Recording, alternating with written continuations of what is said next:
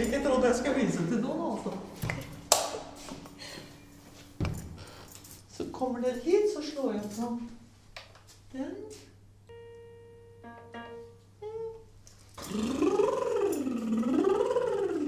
Da må man liksom bare få i gang luften, da. Og så vet man ikke hva som kommer av toner, selvfølgelig.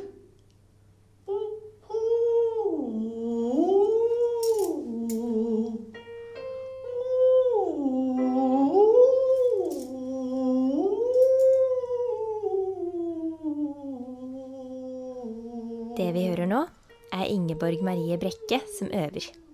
Eller, hun tar seg noen toner i vaskekjelleren der hun bor. Jeg har jo tilbrakt de siste tre månedene her nede. Og det, det, holder, det holder til sånn um, kirkesangbruk og sånn som jeg holder på med nå, da. Og så hvis jeg blir veldig stresset, så henger jeg meg her.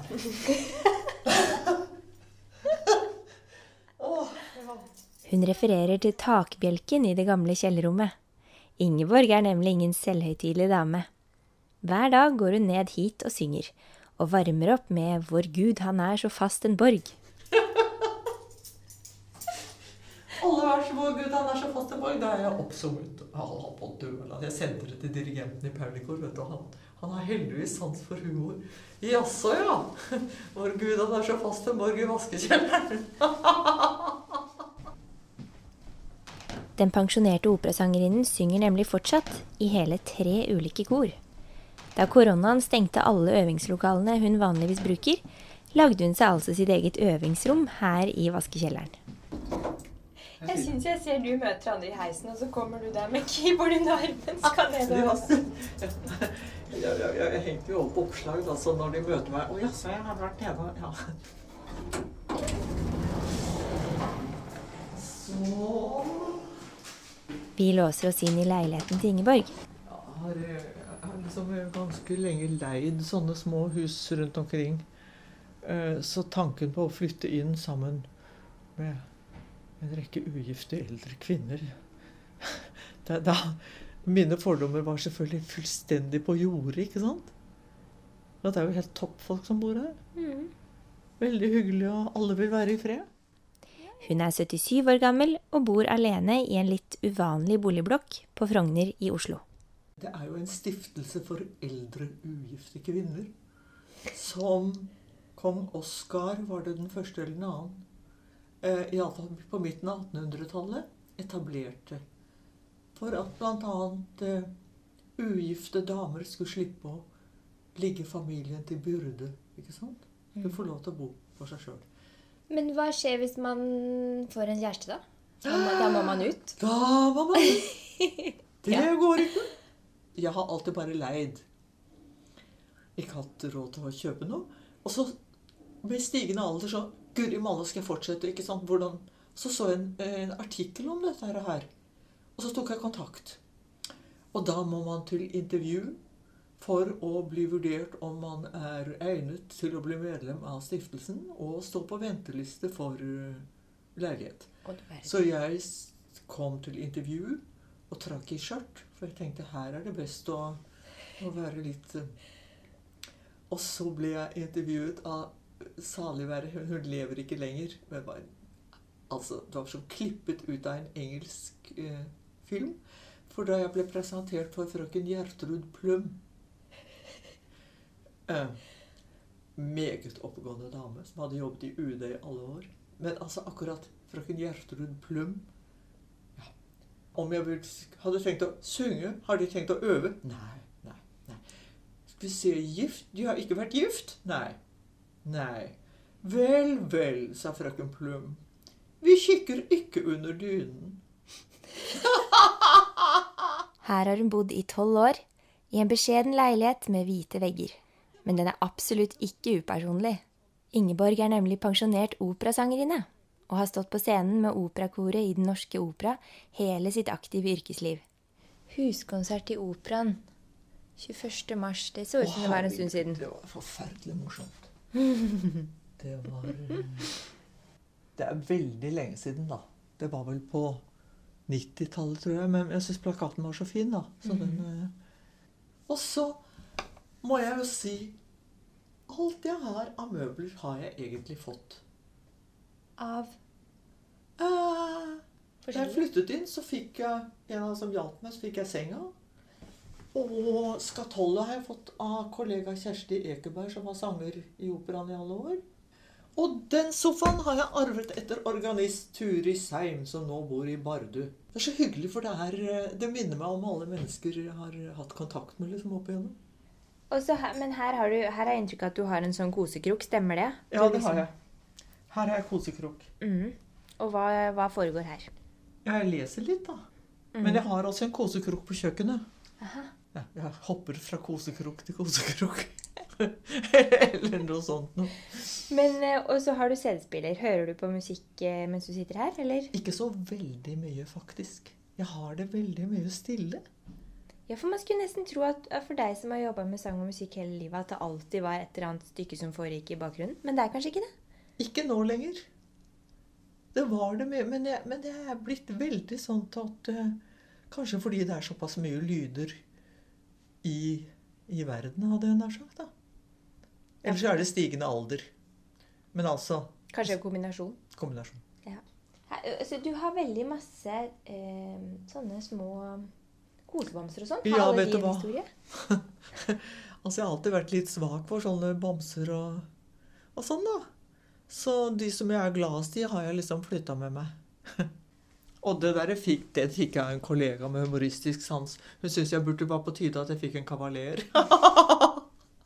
Men det er et eller annet med de barnlige tingene som Jeg tror faktisk, altså selv om jeg er nå blitt så gammel, at det er noe sånn litt sånn trygg urtrygghetsgreier eller noe sånt. At det er når du tross alt bor aleine, da, som du gjør, at Ja. man har behov for en liten sånn trygghet. Jeg Helt ikke. sikkert. Helt sikkert. Det har man jo. Mm. Og det kan jo bli veldig klart når man da er alene. Så da kan man kanskje tro at man er helt alene i verden.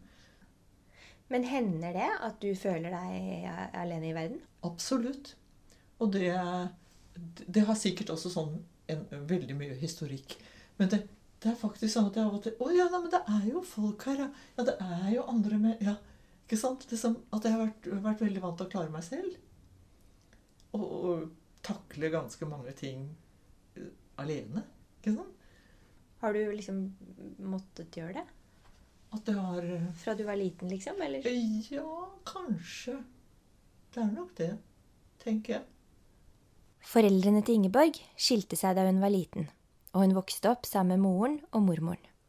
Og selv om mormoren var en ganske dominerende kvinne, som hun selv sier, så stilte de aldri spørsmål til valget om ikke å få barn. Har du noen gang i løpet av livet ønska deg barn? Drømt om det? Nei. Ikke da du var liten heller? Nei. Og jeg lekte ikke med dukker. Jeg syntes det var noe kjedelige greier. Og aldri et spørsmål om jeg skulle gifte meg eller Men det, kanskje de skjønte at jeg var eh, Aner ikke. Og jeg har ikke ønsket meg det. Men kanskje jeg har hatt en slags intuisjon på at jeg ikke var moden og klar for å få barn. Altså en, en sånn litt sånn som sitter langt inne i ryggmargen. Og det er jeg glad for. Altså Uavhengig av hva samfunnet ellers uh, syns jeg aldri hatt det der behov for å bygge rede. Altså liksom Lage mitt eget eh, familieunivers, liksom. Eller Nei.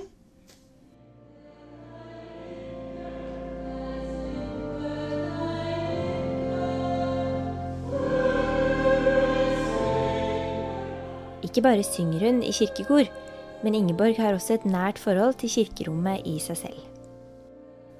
Hadde en liten parentes, da, men jeg har jo vært vakt Jeg har hatt som jobb å være vakt i domkirken når den er åpen. Og det var en av de første gangene jeg var vakt der, så var det en ung jente som var tydelig rusa. Hun satt oppe ved globen og var helt for seg selv, og tårene rant. Og det var hun hadde mistet en da som hadde tatt en overdose. Så satt hun bare der og og sa ikke så mye. Og jeg satt bare ved siden av henne. liksom, av en eller annen grunn, Så tenkte jeg kanskje jeg bare skulle sitte her. liksom. Og så sa hun Det er ikke så greit, sa hun. Noen av oss Må klatre over alle benkeradene her i kirken før vi kommer fram, sa hun. Mens andre bare går opp midtgangen. Og hun var helt, på en måte helt vekk, ikke sant, da hun sa det. Det gjorde sånn inntrykk på meg. Jeg så liksom det derre Klatre over alle de derre benkene i domkirka. Og det var helt tydelig at det var hennes livserfaring. ikke sant?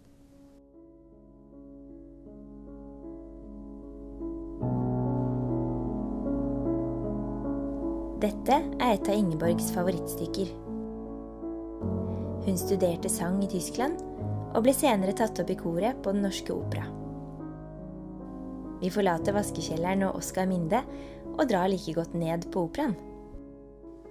I Bjørvika skinner sola inn i de enorme glassvinduene, og en og annen servitør tusler rundt i foajeen. Her føler Ingeborg seg hjemme. For selv om hun for lengst er pensjonert som sanger, står hun likevel jevnlig på operascenen, bare som statist. Har du noen gang tenkt på hva Hvis du ikke hadde fått synge, hva hadde du gjort da? Altså, Før jeg dro til Tyskland for å studere, så tok jeg i all hast et uh, årskurs på handelsgym. Sånn at jeg hadde en kjapp handelsutdannelse i tilfelle alt skulle skjære seg. Så jeg, um, jeg jobba litt på kontoret før jeg fikk jobben her. Så det hadde jeg vel kanskje gjort. Men du vet det var- Det var ikke noen stjernemedarbeider på det kontoret, altså. Økonomiavdelingen, frøken Brekke? Nei. Nei. Hva er det morsomste du har gjort i, i opera, altså i karrieren som sanger da, i operakoret? Altså, Vi hadde en fantastisk periode hvor vi gjorde Don Carlos av Verdi. Og samtidig så gjorde vi en opera av Händel i en utrolig sånn historisk riktig oppsetning. Il Pastor Fido. Men altså, egentlig var det det der å være på scenen i det hele tatt. Og, for, s- altså, jeg vet sannelig med oss. Jeg var av og til så deppa på ettermiddagen før jeg skulle på jobb, ikke sant? Ho-ho. Få på en parykk og et kostyme og få vært der. Jeg, og kvelden var jeg var jeg et annet menneske. Hadde jo fått energi av å jobbe. Men hvordan er det da å være statist sammenligna med det? Er det like gøy, syns du? Altså, jeg har jo, altså, jeg må jo nesten fortelle det, det, det første jeg gjorde som statist, det var at jeg skulle være dronning Elisabeth i, i jorden rundt på 80 dager. Og da stasa de meg opp, sånn at jeg, jeg har et stort bilde av meg selv hengende på veggen hjemme. Så jeg ligna på dronning Elisabeth. Og så ble jeg heist opp midt i scenerommet sånn fem meter over gulvet. Og jeg har egentlig høydeskrekk. Og der hang jeg på slutten av Jorden rundt på 80 dager og skulle ta imot Fylios Fogg når han kom hjem etter å ha vært. Og der satt jeg der oppe og vinket til ham og til publikum. Du, jeg var så lykksalig at jeg tenkte kjære Gud, gjør ikke noe med dette ned, for nå er jeg så lykkelig. Men jeg satt der bare i ti sekunder, da, fordi jeg var slutten, ikke sant? så gikk teppet. Men så gikk teppet opp i applausen. Og jeg Jeg tok nøtet for det det var verdt. Jeg trodde jo at applausen gjaldt meg hele tiden. Ja, det var gøy. Jeg ville ikke byttet for alt i verden. Jeg er så lykkelig for at jeg havnet der jeg havnet. Kunne ikke vært noe bedre. Nei. Jeg tror jeg har vært eh, pillemisbruker og alkoholiker hvis jeg ikke hadde fått lov til å holde på med det som, som gir glede, ikke sant?